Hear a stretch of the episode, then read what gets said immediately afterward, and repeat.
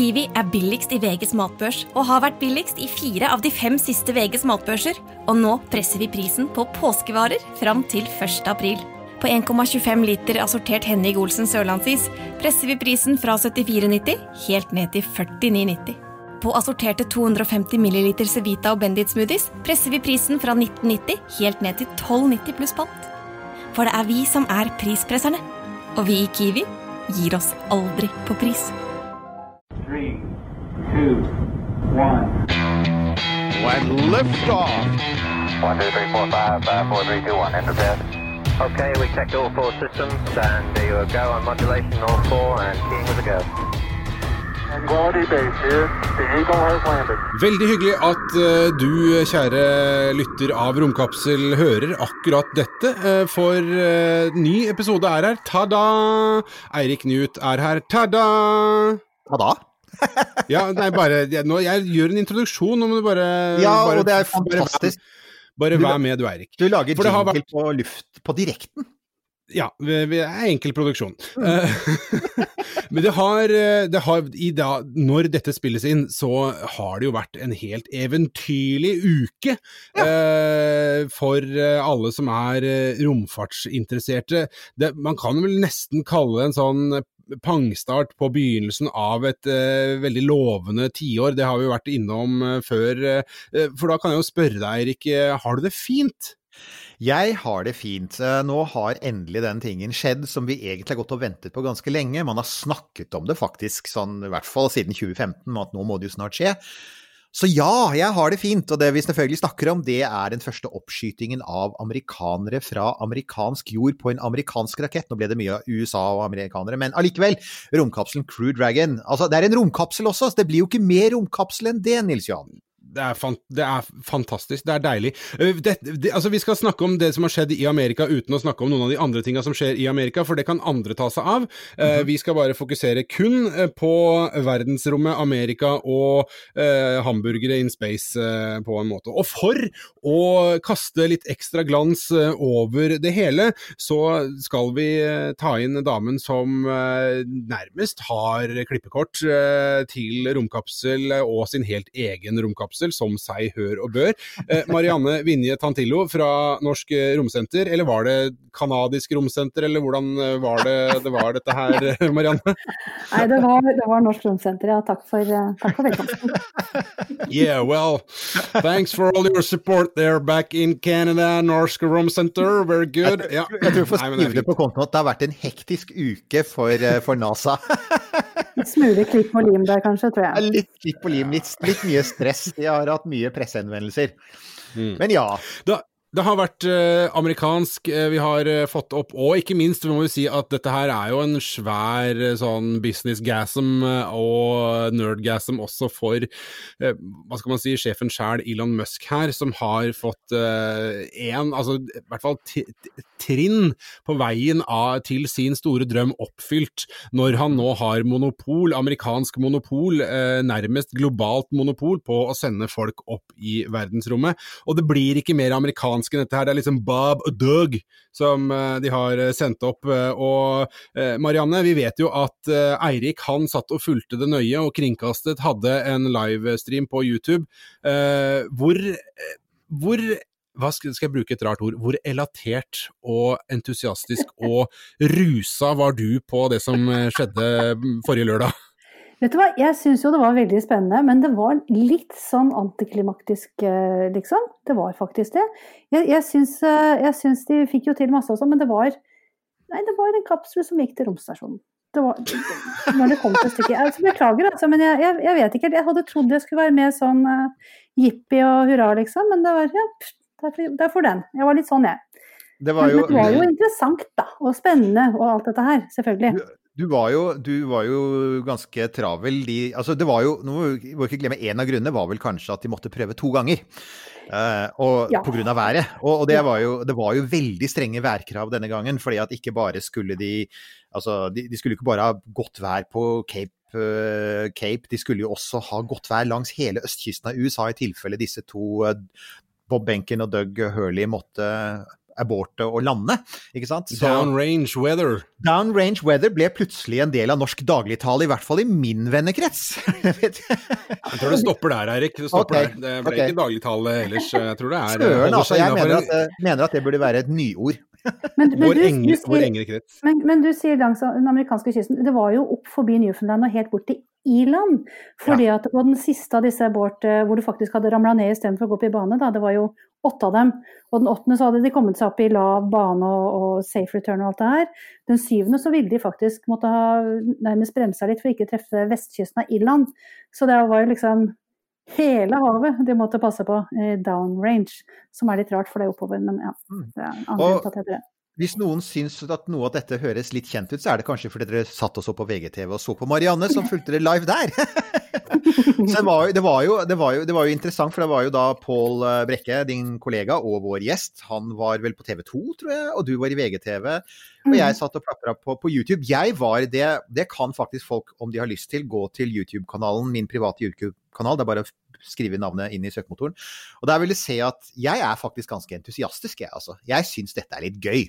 Ja, du, du har jo hen, henda i været, og, og jeg var jo et helt annet sted. Jeg var jo på Ja, hvor var du da dette skjedde, Nils Johan? Det er jo det store spørsmålet. det. Men dette er nå i hvert fall en launch eh, som jeg Det husker jeg hvor jeg var. Eh, Mhm. For jeg var eh, på motorsykkeltur, og vi hadde akkurat satt oss ned for kvelden på, på Geilo. Så, så jeg vet hvor, ganske nøyaktig hvor jeg var eh, da, da det hele skjedde. Og Var det fikk litt sett innom lite grann innimellom, eh, men, eh, men eh, jeg fikk jo ikke fulgt det på samme måte. Jeg lover, Eirik, neste gang skal jeg være med. Og det er Mm. gøy, for nå kan jeg si neste gang når jeg vet at det blir neste gang. Ja, Så det var ikke litt sånn andektig stemning på Geilo? Nei, overhodet ikke. Det, det var det aldeles ikke. Så- Men Eirik, Ja. Eh, vi må snakke litt uh, ned i det nitty-gritty her. Uh, vi har sendt opp Bob Ndug i Crew Dragon. Der satt de i sine designer-outfits med sine touchscreens, og det var så cleant og vakkert og litt skuffende lite teknisk, egentlig, for alt var så ryddig og ordentlig. Det var, jeg skulle gjerne hatt flere sånne brytere og, og spaker og sånne ting, og lys som blinket. Veldig lite av det. Men det, da, kan kan du, da kan du glede deg til eh, Boeing Starliner, for den er ikke det riktige, Marianne? Den er jo mer konvensjonell. ja, den er det. Altså det, som, det som gledet meg litt, da, sånn, jeg, jeg var jo ikke upåvirket, men, men det var liksom, jeg syns det var så kult med disse svartkledde eh, checkout-ninjas med nummer på ryggen som matchet i farge. Og gangen de gikk gjennom, med disse avlange, flotte vinduene som matchet i farge. Og det var liksom gulvtepper og, og, og vegger og alt. Så det var jo veldig nydelig, da. Det var jo vakkert. Og disse tuxedos, ikke sant, som som, var veldig stilige og, og designet, som du sa. Ja, skal vi ikke ta det med en gang, for det er jo en spesiell historie, det der. Det var jo, jeg fikk jo spørsmål underveis i livestream, så sa folk du, de romdraktene, hva er det med dem? Og jeg må innrømme at uh, under min første livestream så var jeg ikke godt nok forberedt, men under den neste så tenkte jeg jeg må jo lese meg litt mer opp på det, og det viser seg at det er jo en rar historie. Altså, det er jo Jeg vet ikke om du så det, Nils Johan, men altså denne, denne, disse romdraktene som uh, Bob og Doug hadde, det er jo de er jo blitt til på en ganske unik måte.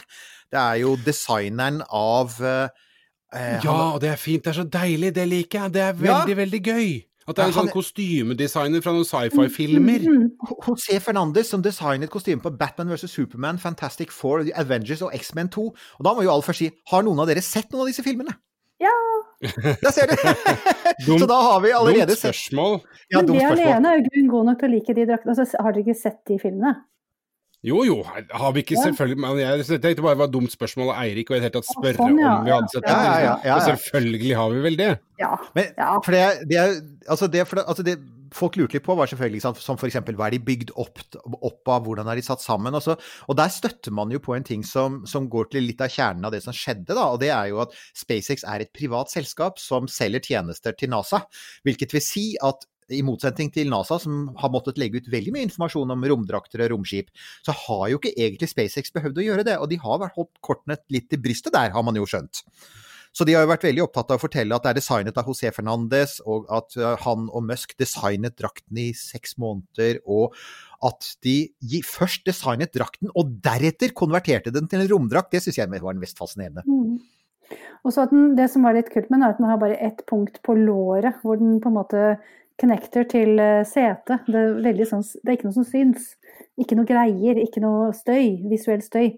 Veldig sånn Ikke sant? Hvis du, nemlig, og det er sånne ting som du tenker hvis du ser på de, og, og mange påpekte det at, at, mens NASA alltid har hatt en sånn, vet du hva, vi bare lager noe som funker, og så blåser vi om det ser pent ut, så er det klart SpaceX de vil jo også selge de vil jo også selge plasser til private kunder, så de har jo egentlig sagt mer eller mindre rett ut at vi ønsker jo, som du sa, det derre de svarte, svartkledde ninjaene, og de har jo gitt hele Launch Complex 39A, hvor de skjøt opp fra, de har jo gitt hele greia en malingjobb for å få det til å se penere ut. og den derre Crew Gangway har de også oppgradert. Alt sammen for å lage et lekrere produkt. Og det opplever jeg som en litt sånn det, det, Der kjenner jeg at det butt... Altså det er ikke det jeg NASA jeg, jeg, liker, jeg liker Nemlig! ikke. Det er ikke helt det NASA jeg husker. nei, nei, men altså det, jeg kjenner at det, jeg liker det ikke, for det, blir- det blir for pent, og det blir for strømlinjeforma, og det blir for designa, og det blir, det blir for eh, passende omgivelser for sånne ekle, rike folk som eh, gjør dette her bare fordi de kan. Jo, men hvis du ser på de original Mercury 7, disse første, så hadde jo de sånne sølvfargede drakter som, som ligna litt. Altså, de har jo basert seg på eller om det er tilfeldig eller ikke, er ikke godt å si, men det, det, det ligner jo veldig på dem, da. Så historien går jo litt i ring her. Sånn, Det er, egentlig. det er interessant. Er, jeg tror er, nå sier du, du sier noe viktig der, Marianne. For at jeg leste, jeg tror det var New York Times som påpekte at NASA har egentlig aldri innrømmet det, men den sølvfargen på de aller første draktene, før de etter hvert gikk over til hvit og oransje og sånn, da, ehm, den skal visstnok ha vært estetisk. Altså, de ville, de ville ha noe Oh. futuristisk. Ja, ja. Så, så eh, det var faktisk i forbindelse med en artikkel om denne her eh, SpaceX-drakten. Så de sa når NASA insisterer på at vi bare har et ingeniørmessig forhold til romdrakter, så viser det at det er ikke helt sant, fordi da helt i startfasen så skulle de selge inn romfart til amerikanerne, og amerikanerne hadde sett sånn Buck Rogers på TV. Og da var det litt ålreit at flightsuitene til Mercury-astronautene var litt uh, fete og blanke. Ungsamtalen fra DNB er økonomisk veiledning tilpasset deg som er ung. Bokk en ungsamtale på dnb.no. ung. Ok, det var jo en syk døll måte å forklare ungsamtalen på, da. En smart prat om penga mine, ville jeg sagt. Ikke sånn kjedelig økonomisprat, skjønner du. Vet du, en liten fun fact til med de der draktene, hvis du la merke til det, så hadde de um, SpaceX-logoen på ene armen, og så hadde de den der kjøttkaka si, på andre armen. Altså NASA-logoen på andre armen. Men de hadde ikke en sånn flight-spesifikk, eh, egentegnet eh, patch. Sånn som astronauten i NASA. Nei, de hadde ikke det. De, de, de hadde det med seg. Og kona til han ene, hun som heter Nyberg, Kirsten Karen et eller annet Nyberg, hun hadde tegnet en veldig fin en, men de hadde den ikke på drakten. Bare NASA og SpaceX, veldig clean. Det- Mm. Ikke noen Mm. ikke Vi kan noen- sende dem noen mission patcher. eh, Ja, vi. uh... fordi jeg, altså, mi- altså hvis de skal ta vekk mission patcher, da er jeg imot denne nye rombølgen. For det er jo noe av det fineste i romfarten, er jo mission patches! De hadde det med seg i en bag, da, men, men det er jo ikke Det er helt ikke det samme! Nei, det er helt Dette er feil! Det hadde ikke blitt godkjent av Design Department, men Marianne, hva er det du forteller oss her? Dette er jo ille. Folkens, folkens, folkens. Ja ja, folkens.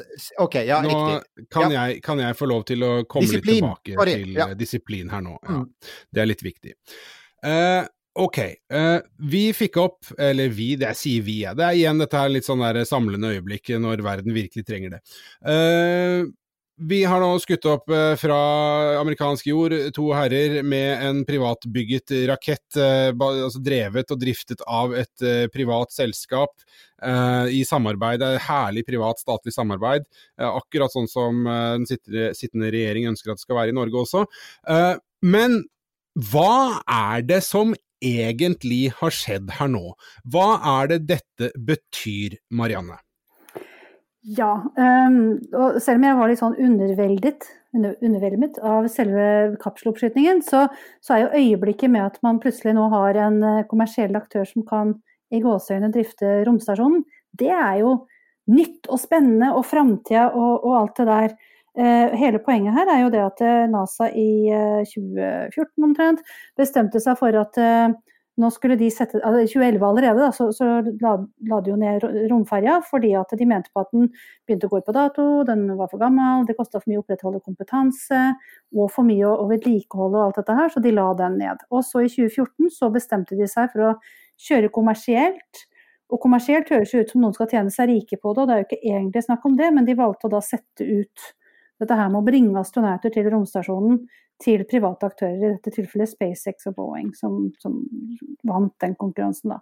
Eh, og, og det det betyr, er at nå kan jo de, uten at NASA egentlig skal ha så mye med det å gjøre, sende folk opp til romstasjonen og ned igjen for en mer eller mindre ublu pris. Eh, per øyeblikket ligger det jo mye bedre an enn eh, russerne, som tar rundt 89 millioner dollar per flight. Eh, I snitt så skal det være ca. 55 millioner dollar for eh, SpaceX igjen etter hvert.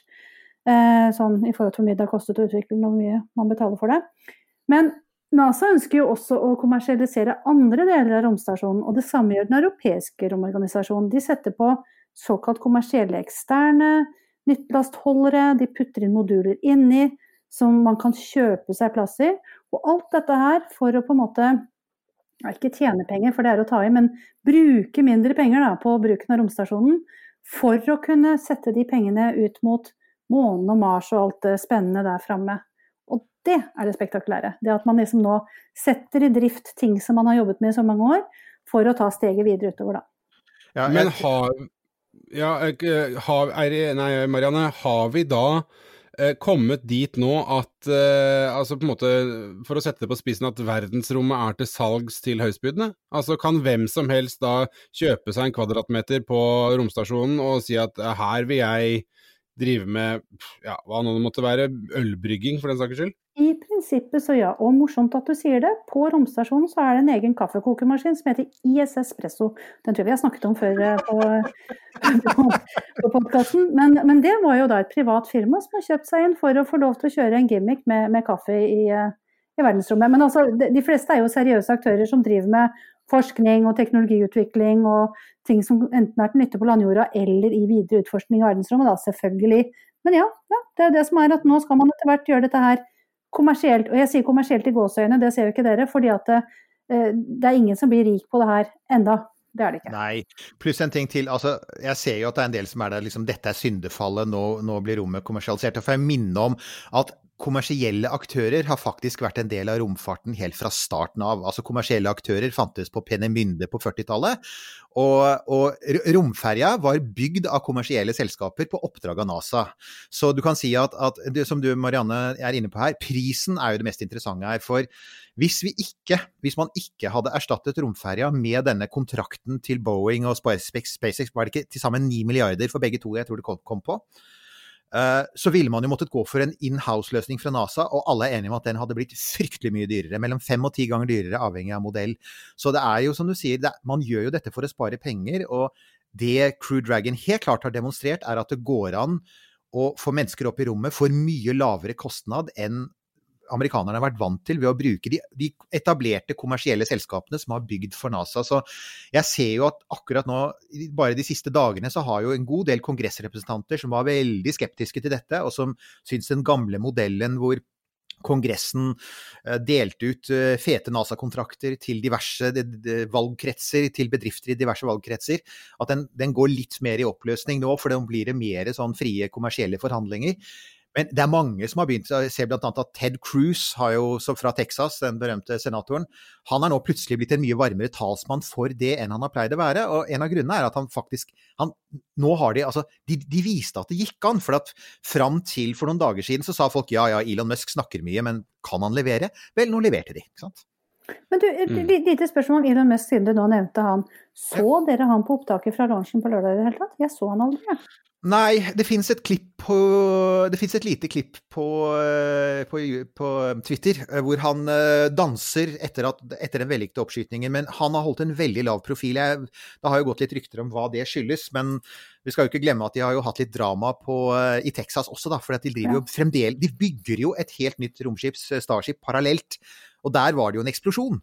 Så jeg tror at det var, har vært litt mye på en gang. Så, så den, på den på det første launchforsøket, da var han til stede fordi at han ble intervjuet, tror jeg. Mm. Med, han ble intervjuet sammen med, med Jim Bridenstine, NASA-sjefen.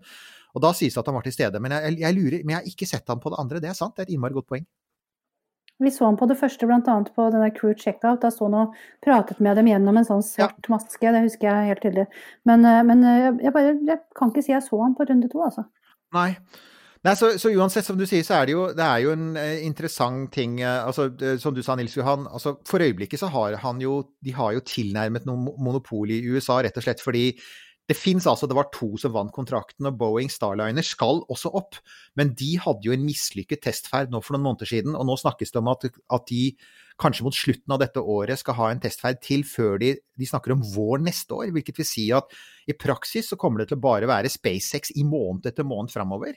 Og det er klart mm. at for det selskapet Altså for, for, selskapet SpaceX, som jo selvfølgelig er på jakt etter flere gode amerikanske kontrakter, så er det en kjempeseier mot Boeing, som, er, som tross alt er 900 kilos gorillaen i dette buret. Boeing er et av de største og eldste selskapene i denne bransjen og har vært med på alt. Og SpaceX slo dem. Det er litt sånn David mot Goliat-historie også. Det, det, kan man jo ikke kan man ikke glemme. Det må sikkert, det må sikkert være litt sånn ekkelt for Boeing å se seg slått av uh, han der med de bilene som, uh, med den store kjeften og Tintin-raketten ute i ørkenen der. Men, ja. men, men, altså, du ser det også, da. Det som jo er uh, interessant her Jeg, jeg syns kanskje et av de mest fascinerende tinga med, med denne oppskytningen var jo når dette her første trinnet landa igjen. Jeg syns det var utrolig kult. Eh, og så er det nå at ja, så om bare et par måneder så skal de skyte opp igjen. Da, da, da er det enda flere folk. Da er det Crew One på gang. Så, så her går det unna. Ja, ja Marianne. Det... Ja, unnskyld. ja, nei, bare ta du, Marianne. Du, du, skal vel være og snakke om det når det kommer òg? vi får se. Eh, for Crew One syns jeg er litt interessant, for da får du opp, endelig opp en kvinne, da. De valgte ja. jo selvfølgelig to menn på første ferd. Eh, og så skal de også eh, ha med en internasjonal eh, astronaut fra, fra, Japan. Så det, da er det litt plass til alle på, på, gang nummer to, da. Så det blir bra. Det japanske rombyrået som har det kule navnet, er det Yaksa? Ja. Jeg syns det er kult. Unnskyld, jeg må bare si det. Yaksa, hvis du først skal ha et sånt der eh. mm. Ja, nei, så de skal jo opp i uh, og, og, så er det vel da et spørsmål om når disse to testastronautene, for det er jo det de er, når de skal ned igjen, og opprinnelig var vel planen at de skulle ned ganske fort, men nå er det snakk om at de skal henge der oppe i hvert fall uh, til august, sier de. Altså at de kanskje Oi. skal, mm, kanskje skal ned like Ja. Mm. Og det er jo interessant. Ja, det, altså det har med litt med at uh, romstasjonen er jo i utgangspunktet lagd for syv crew. Uh, og så har det vært litt begrenset, for det har jo vært begrenset med oppskytningsmuligheter og, og sånt. Så per nå det, var det jo tre, og så kom de to til opp. Så for å få unna litt uh, forskningskø, hvis det går an å kalle det det, når de først var der oppe, så istedenfor å være der i to uker, så skal de være der opp til fire måneder. Og så sies det liksom at det bestemmes litt av når det neste crewet kommer opp. Og det er vel at de, de vil ha av gårde det ene før de tar imot det neste og sånn, da. Det er vel, det er vel noe sånt, tenker jeg. Og så skal de vel også teste holdbarhet her, for det er vel noe med dette med at altså under en vanlig sånn gammeldags romferd, så, er du opp, du skyter opp et romskip, du er der oppe noen dager og lander igjen. Men her er jo romkapslene festet til romstasjonen i uker og måneder av gangen. Og romstasjonene er jo tross alt fulle av kjemikalier, bl.a. i brennstoff, så man skal vel også teste at, det, liksom at den tåler det, da. Ja, og så, er det en liten sånn uh, variant med solcellepanelene på den her demoflighten. De er litt annen kvalitet enn en det som er standard på disse nye Crew Dragon. Så den må ned innen nå husker jeg ikke, 189 dager eller noe den døren, mens de egentlig skal holde godt over 200 dager. Og så en ting til når du sier 'festet til'. Uh. For noen år tilbake så lærte jeg meg forskjelling på birthing og docking. Ok, uh, fortell! De, de, ja, dette vil våre lyttere elske å høre om. Fortell, Marianne! Men dette er sånn, dette er sånn nerdemoro som jeg faktisk liker å fordype meg i. Uh, og birthing, det betyr fortøying, fortøyning, og det er når uh, den gamle Crew Dragon, nei ikke Crew Dragon, Cargo Dragon-varianten kom opp til romstasjonen. Så kommer den nærmere og nærmere, nærmere, og så holder den på et stykke unna, og så må de ut med Canadaen manuelt grabbe tak og smekke greia på plass. ikke sant? Åpne opp og, og ta ut. Mm. Eh, men nå, med den nye Dragon, både Cargo Dragon og Crew Dragon-varianten, så har de automatisk dokking, hvor de seiler inn og bruker alle disse små lysene og sånn, og så automatisk dokker seg til. De trenger ikke lenger astronautstøtte fra innsiden, og heller ikke fra Crew Dragon, selv om det sitter folk der, til å dokke automatisk. Eh, og det går liksom litt sånn tilbake syns jeg også, til den russiske måten å, å dokke på. Hvor, hvor, de også kommer seilende inn automatisk, men, eh, eller mer eller mindre, i hvert fall de har litt sånn fjernstyringshjelp. Men de har jo en sånn kule som stikker fram, Eh, og der hvor True Dragon liksom elegant bare smukker seg på plass med et sånt hydraulisk lite vridningssystem, så har de russiske en sånn arm som skal ned i en trakt, og så sier det kadablam. Og, og hele romstasjonen rister liksom når de kommer opp. Eh, og, det syns jeg er så fascinerende. og det hadde den, euro, den europeiske, den europeiske transportkapselen som de hadde for en tid tilbake, hadde det samme Kadablam-tilnærmingen da, ikke sant. Så, så, nå skjer det jo mye mer sånn uh, men, men, det var jo det var jo også en fascinerende ting Altså at var dette rundt 19 timer, så kom de fram da. Og det er jo sånn som Jeg vet det var også Folk spurte om det. Hvorfor tar det så lang tid? Og da var jo da er vel svaret at altså, du jakter jo på et bevegelig mål, og du, du, kan jo ikke bare fly dit fordi du må jo komme veldig forsiktig i framtiden, ikke sant. Altså, du kan ikke bare vreke deg, altså så bråbremse. Du må jo veldig forsiktig nærme deg skritt for skritt denne store og ganske skjøre stasjonen. Men, ja, altså, du, du ja. nærmer deg jo under først, så, legger, så, de legger seg rett under den. Og så hever de banen, og så er det liksom 400 meter unna, 220 meter unna, 10 meter unna, og så mm. Så de ikke skal ta knekken på romstasjonen. For de hadde jo så, var det jo en annen ting som var litt fascinerende. Altså, jeg, jeg satt jo da og så på denne dokkingen. Og det tar jo så lang tid, for du tenker jo hvis du Altså, vi har sett mange romfilmer, ikke sant? Og det er alltid sånn Smakk rett på plass, åpne døra, hallo! Nei, det var det jo ikke. Det var jo Først var det soft dock, og så var det hard dock, og så var det trykkutjevning, og så var det noen, et, en kar oppe på romstasjonen som drev og kobla og styrte og mekka, og det tok jo Det gikk jo både minutter og timer. Og er det Det er, det er vel er det, det, tar vel normalt så lang tid å dokke, gjør det ikke det? Altså, Sanne om jeg vet, men det kan jo ha noe med at det er eh, gang nummer to de dokker på akkurat denne måten. da. Ikke sant? I og med at denne hydraulikksystem til ja, støvsugerprosessen, skal jeg til å si, hvor de, hvor de, mye mykere kommer seg på plass enn den klakkversjonen med, med birthing eller fortøyning. Så det, det, kan jo være at de rett og slett må teste det, for det er såpass nytt. da. Jeg vet ikke. Ikke vær så utålmodig, Eirik. Når du er oppe i verdensrommet, så syns jeg det er ganske ålreit at eh, folk tar seg litt tid og sørger for at ting blir gjort riktig. Det så eh, ut som de hadde det bra der oppe alternativet er så kjipt. Men en ting som, som, har slått meg, da, når du snakker om denne automatiske dokkingen og sånne ting, Marianne. Eh, altså, når man da ser bilder eh, fra innsida av, av, denne Crew Dragon og disse kara som sitter der og basically sitter der, eh, de gjør jo ikke så veldig mye annet, og de har noen, noen sånne slike touchskjermer å forholde seg til. og borte og føle litt på de innimellom. Men gjør de egentlig så veldig mye, eller går alt dette her eh, basically automatisk? Altså I prinsippet så hadde de ikke behøvd å gjøre noen ting. Og de har jo kjørt opp en sånn Crew Dragon før med en dokke. Funka helt fint, det. Eh, det de skulle teste nå, var jo alt det du må ha folk til hvis det skjærer seg. Ikke sant? Det var jo det som var eh, hele poenget her nå. Så, så folka er jo der A for å bli transportert, og B når de nå først transporterer folk, så er det fint at de også vet hva de skal gjøre hvis noe skjærer seg. Det er jo liksom det som er greia, da. Mm, de er der for å redde seg selv fra en situasjon som de egentlig ikke hadde trengt å være i. Ja. det er litt sånn. og så altså, En ting til som jeg ikke vet om var med den første gangen, og det vet jeg ikke om du vet heller, Erik. Jeg trodde det var en liten svart-grå uh, drage, men det er en dinosaur som de hadde i det ene setet der. Uh, var den med forrige gang når Ripley var oppe? Du, det, det, det, husker faktisk ikke jeg heller, men uh, det er jo en litt sånn søt ting. Og det er vel egentlig opprinnelig en russisk tradisjon, dette her med å ha med et lite lekedyr. Som en sånn zero gravity indicator, altså at når du kommer opp i uh, vektløshet, så begynner uh, Russerne har jo sånne små bamser og sånne ting, har de ikke det? Som driver begynner å sveve når de kommer opp i rommet. Og det hadde de her også. Jeg var jo så opptatt av den der livestreamen, jeg, så jeg la ikke merke til det, men jeg ser jo at folk har kommentert det. Men ja, det er veldig kult. Den lille dinosauren som kom flyvende der, som så ut som den hadde noen paljetter og sånn, ja. ja, ja. Den, eh, den, ble, den, ble, lagt merke til. Men du, eh, Eirik, interessant. Som du eh, nevnte her nå, da nevnte du russerne. Mm. De må jo sitte og rive seg selv i håret over dette her, for nå går de ja. tatt, går glipp av en masse penger som de tidligere har fått fra NASA for å sende opp folk. Ja, altså jeg driver jo og følger en del russiske romanalytikere og folk som følger russiske romprogram. Og det er klart, det russiske romprogrammet har jo vært veldig preget av altså at Russland har vært i en del trøbbel igjen etter, etter sovjettiden. Vært mye dårlig økonomi, de har jo mistet øh, teknologi, mistet forskere. Eh, de har hatt denne veldig pålitelige kapselen Soyuz, og takk for det. Vi har jo takket Soyuz i en tidligere episode der vi sa at liksom Soyuz holdt jo tross alt det bemannede romprogrammet i live. Da amerikanerne ikke kunne det. Men, men, det er klart, de har et problem nå, fordi de der 95 eller 89 millioner dollarene, eller hva det nå er de får per passasjer, Altså, hvis du regner om med dagens kronekurs, det er jo altså bortimot en milliard norske kroner per passasjer. Det er ikke lite penger i rombransjen, altså.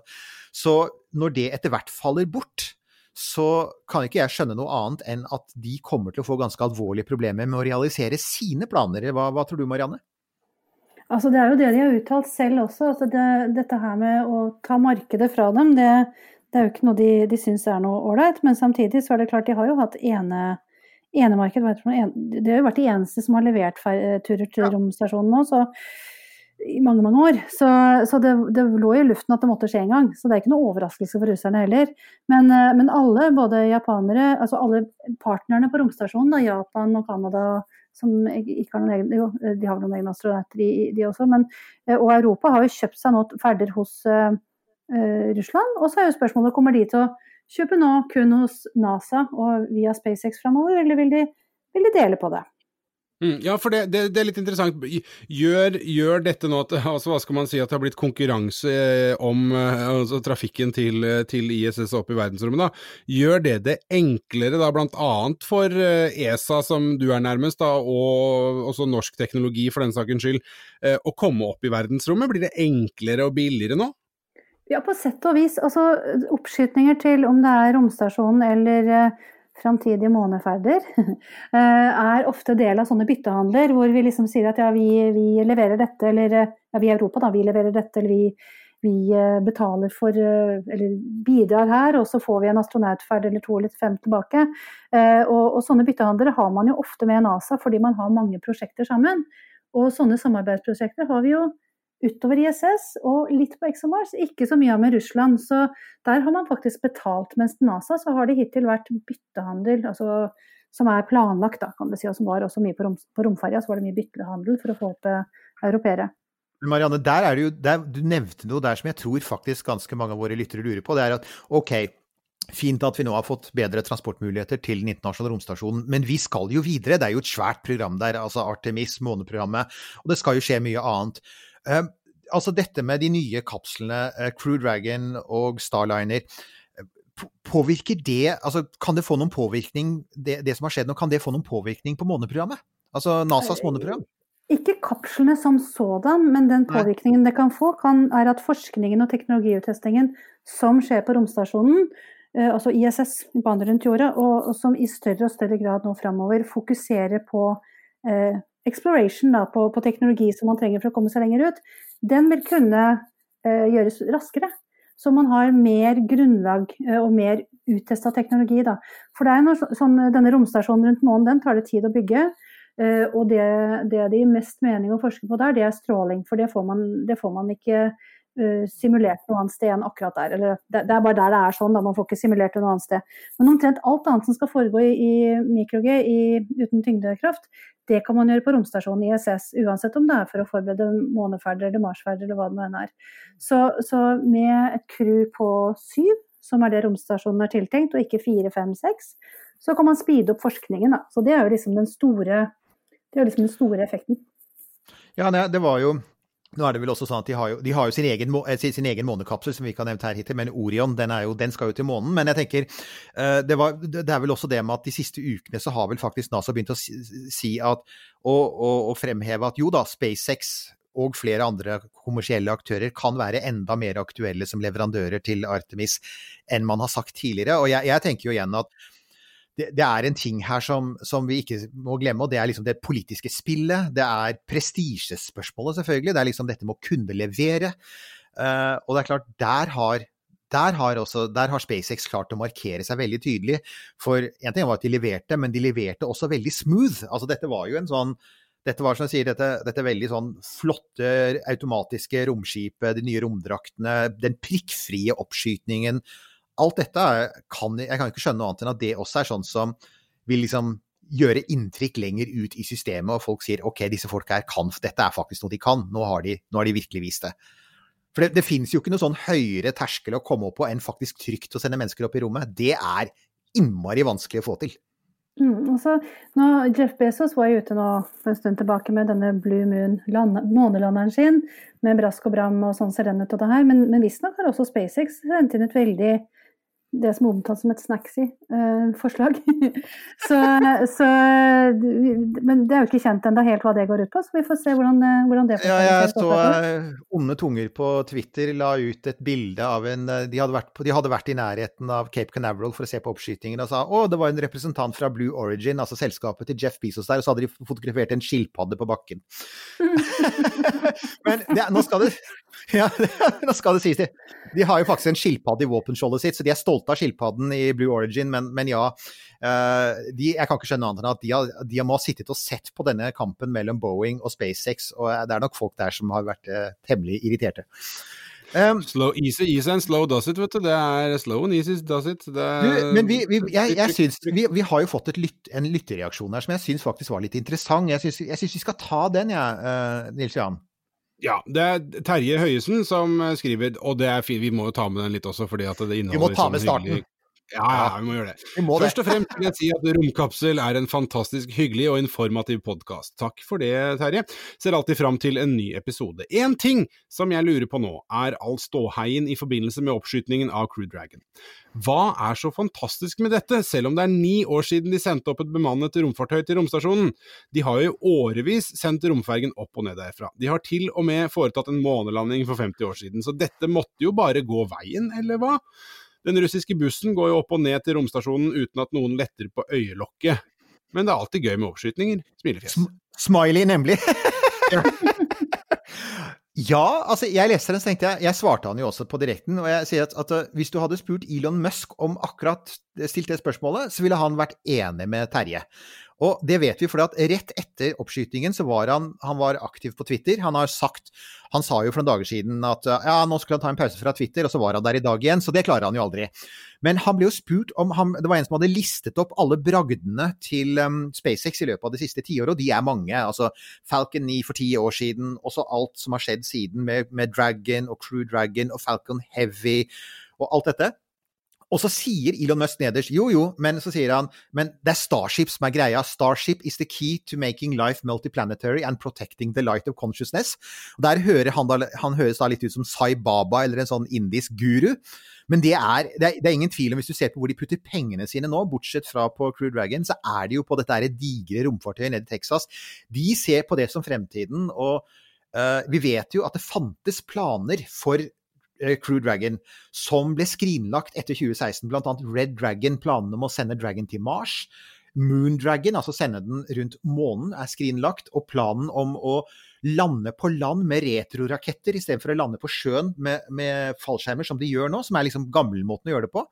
Den har de også skrinlagt, og mange mener jo at en av grunnene er at det ville bli for dyrt å få det sertifisert for å lande med retroraketter, når du uansett ikke det ikke er selskapets fremtid. Så er, vi er et litt interessant sted med at samtidig med at selskapet har bevist at de kan sende folk opp i rommet, så sier egentlig sjefen for selskapet jo jo, er, det er kult, men det er en teknologisk blindgate, og vi går for noe mye større og kulere. Det må jeg si, jeg har fulgt, jeg har, jeg har fulgt med rombransjen i mange, mange, mange, mange år. Det har vi aldri sett maken til før. Så det er jo igjen Elon Musk et nøtteskall. Mannen er jo unik der, da. Så egentlig så er det, så, så er det bare sånn PR Det er egentlig bare et PR- og tillitsstunt, dette her, for å si Nei, nei, altså de har, de har fått masse kunnskap. De, Altså, til. bare så det er sagt, de har, fått masse, de, de har fått masse kunnskap om romfart, og de har lært masse av NASA. NASA har delt masse viktig informasjon. Og du kunne ikke bygge Starship uten masse informasjon fra NASA, så det tror jeg er helt sant. Men, men selve ideen om romkapsler Han liker ikke romkapsler, det har han sagt. Han vil ha gjenbrukbarhet. Så, så ja, jeg, jeg, jeg, tror, jeg tror eh, så, så Terje, Elon Musk er enig med deg. Om NASA er det en annen ting, men Elon Musk er enig med deg. Men, men Eirik, eh, gjenbrukbarhet, denne kapselen skal jo i prinsippet være gjenbrukbar?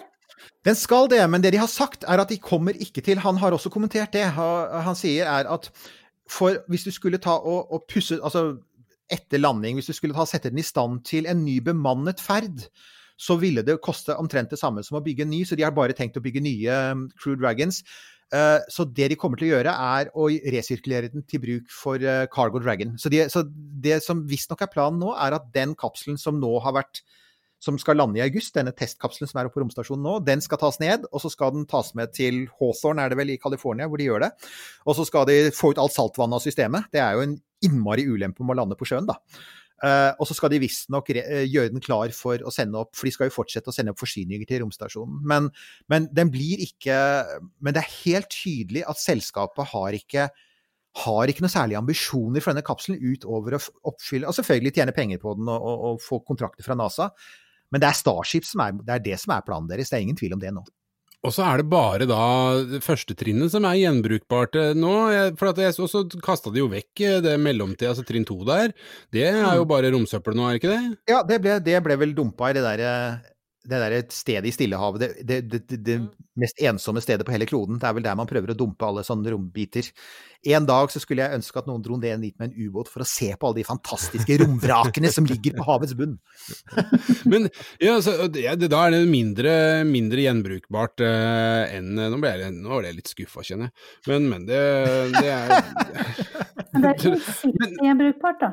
Ja, jo da. Ja, og det skal, sies, det skal også sies at Boeing, som lander på land, de får da ikke problemer med saltvann i alle åpninger og saltvann på utsiden av metallet og sånne ting. Uh, Boeing mener at de skal kunne gjenbruke Starliner, sin kapsel, uh, noe sånt som, jeg tror de har sagt det sånn som fem ganger. Uh, så de er opptatt av det. Men det du kan si da er at, og det, der tror jeg for så vidt er sant, altså også romferja var jo i prinsippet gjenbrukbar.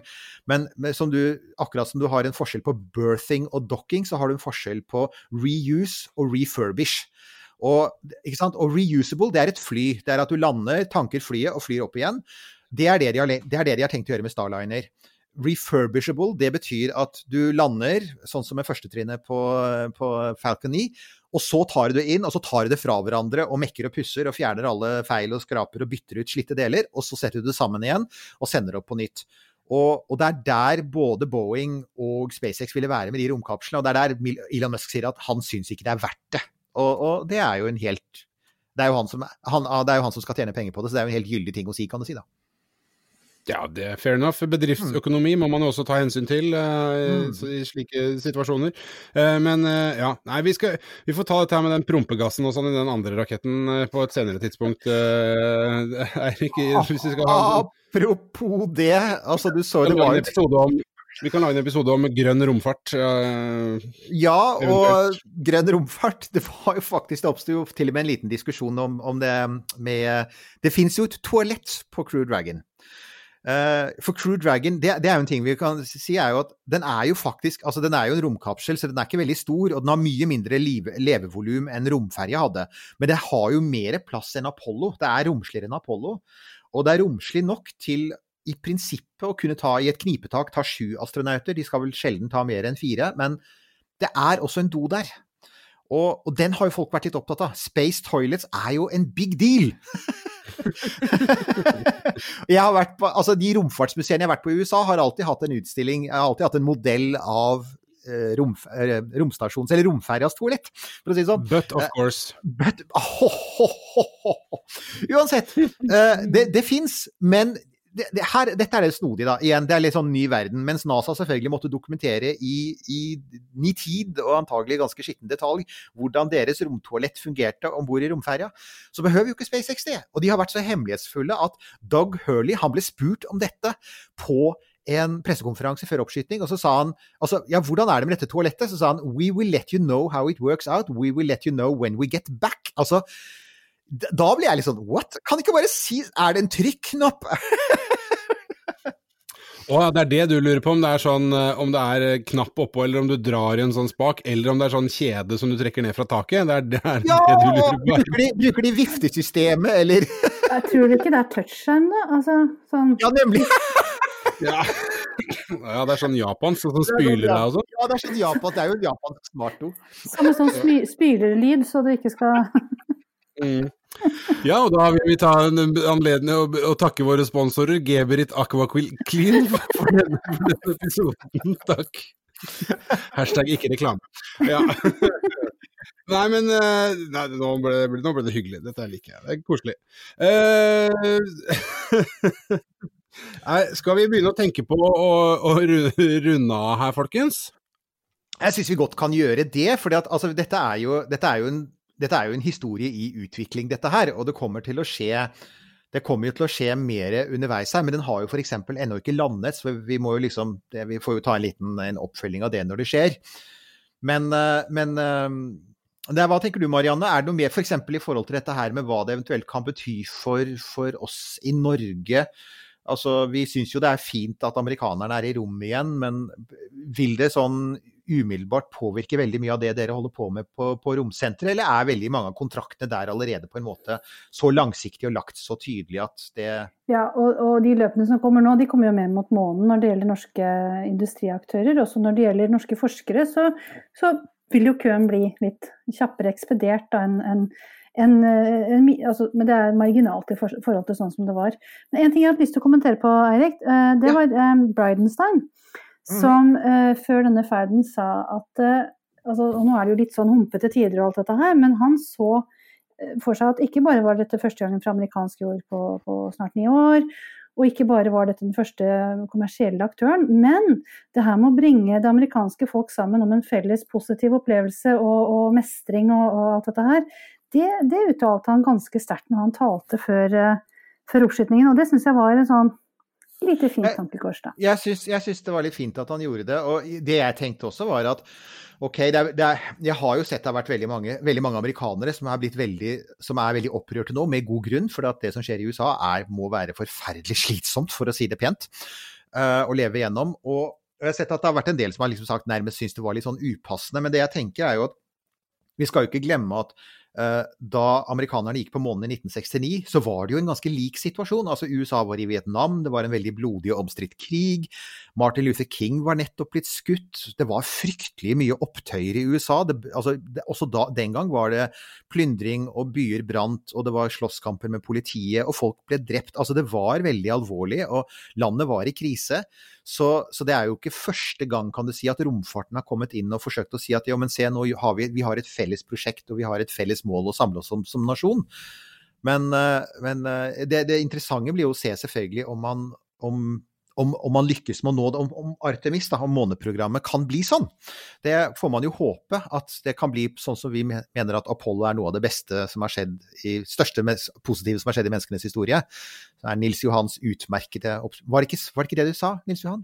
jo, den, jo, jo. Den, ja. ja. at det er ja, en positiv uh, hendelse som, som uh, knytter menneskene sammen. Ikke sant? Og, og den, jeg, har lyst til å legge, det har jeg lyst til å legge til nå, at det, det, en observasjon som jeg nettopp gjorde meg, var jo det at det, det er jo ingenting som knytter menneskeheten sammen uh, som å forlate denne planeten. Ja. Helt sant. Jo, men det er jo det. Og det er, lag, altså, og det, og det er jo selvfølgelig også dette, her, dette framtidsperspektivet som ligger i det. Og det, det Altså, vi hadde jo denne eh, episoden hvor vi oppsummerte det forrige tiåret som på mange måter det mest spennende tiåret siden 1960-tallet for romfarten. Og jeg har jo vi var vel mer enige om at, at det, vi ligger, altså det vi har foran oss, er også et potensielt sett kjempeinteressant tiår. Altså vi skal tilbake til månen på et eller annet vis.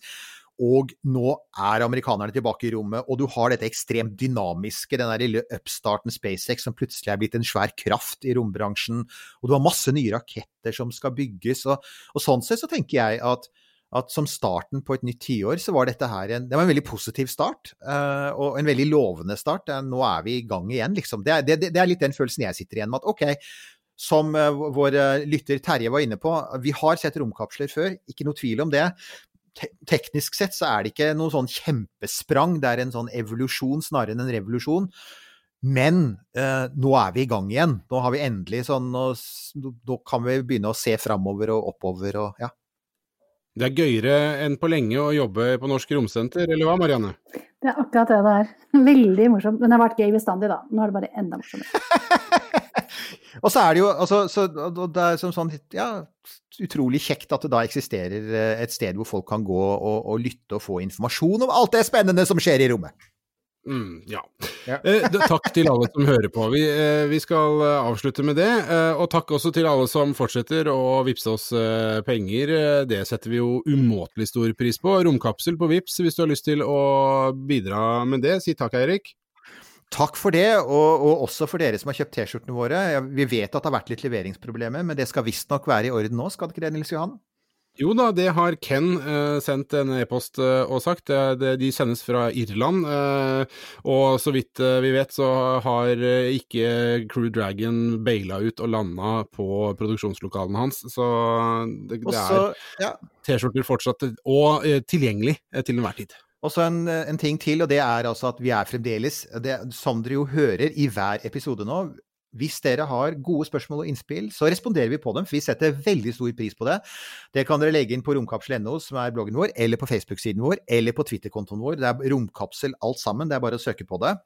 Og så er det altså vi er altså der at vi nå begynner å, å, å gire opp litt og se om vi kan lage flere livesendinger. For jeg gjorde altså dette her forleden, og det var veldig gøy. Det var morsomt å komme i dialog med dere, og også folk som ennå ikke hører på. Uh, unådde, som man vel kaller det i diverse religiøse miljøer. Det er unådde romkapselfolk der ute. Uh, det kommer igjen, og jeg har til og med begynt å mase litt på uh, at kanskje Marianne kunne tenke seg å være med på en livestream en gang. Ikke sant, Marianne? Ja, absolutt. Nemlig. Og da kom... og, og, ja. Marianne er med. Marianne er med. Marianne er med. Marianne er med. Jeg kommer også. Jeg lover. Ja, og, jeg lover blant annet så skal det skytes ja. opp en sonde til Mars i løpet av sommeren. Det skjer spennende ting, folk. Yes. Og jeg tenker at hvis det passer med norsk tid, og vi alle er til stede, så skal vi søren ta meg kjøre en Mars livesending, og så skal vi så skal dere Det skal vi gjøre, Eirik. Og vet du hva vi skal gjøre da? Da ja. skal vi ha livesending fra den blir skutt opp til den tre... Nei, det, det, nei, det skal vi ikke. skal jeg si datoen? Sånn at vi ja, si datoen som er sagt foreløpig. 17. juli. 17. juli, der er vi altså. Det er det som er satt opp, og så får vi se hva som skjer. Nei, vi regner med det. Vi regner med det. Supert. Men da sier vi det, og da er det nok en gang slik at vi skal lande. Og denne gangen så lander vi i stil. Vi lander i en Tesla med store skjermer og hvitt interiør og filmkostyme, designer, designede romdrakter. Det er nice. Og for McDonald's og, for og, McDonald's og Budweiser Beer. Og for McDonald's, og vi får ikke en klam klem av han der fra, som vi ikke husker navnet på, men som overtok etter Nursultan Nazarbayev. Jeg ville heller hatt en klem fra han enn alternativet, han der eh, oransje fyren. Å himmel, ja! Uff, hva er det jeg sier for noe? ja, hva er det du sier egentlig? Tenk deg om før du prater, Erik. Jeg må gjøre det. Oh, nei, nå må vi slutte. Eh, snakkes, høres, ha det. Denne podkasten er produsert av Tid og Lyst.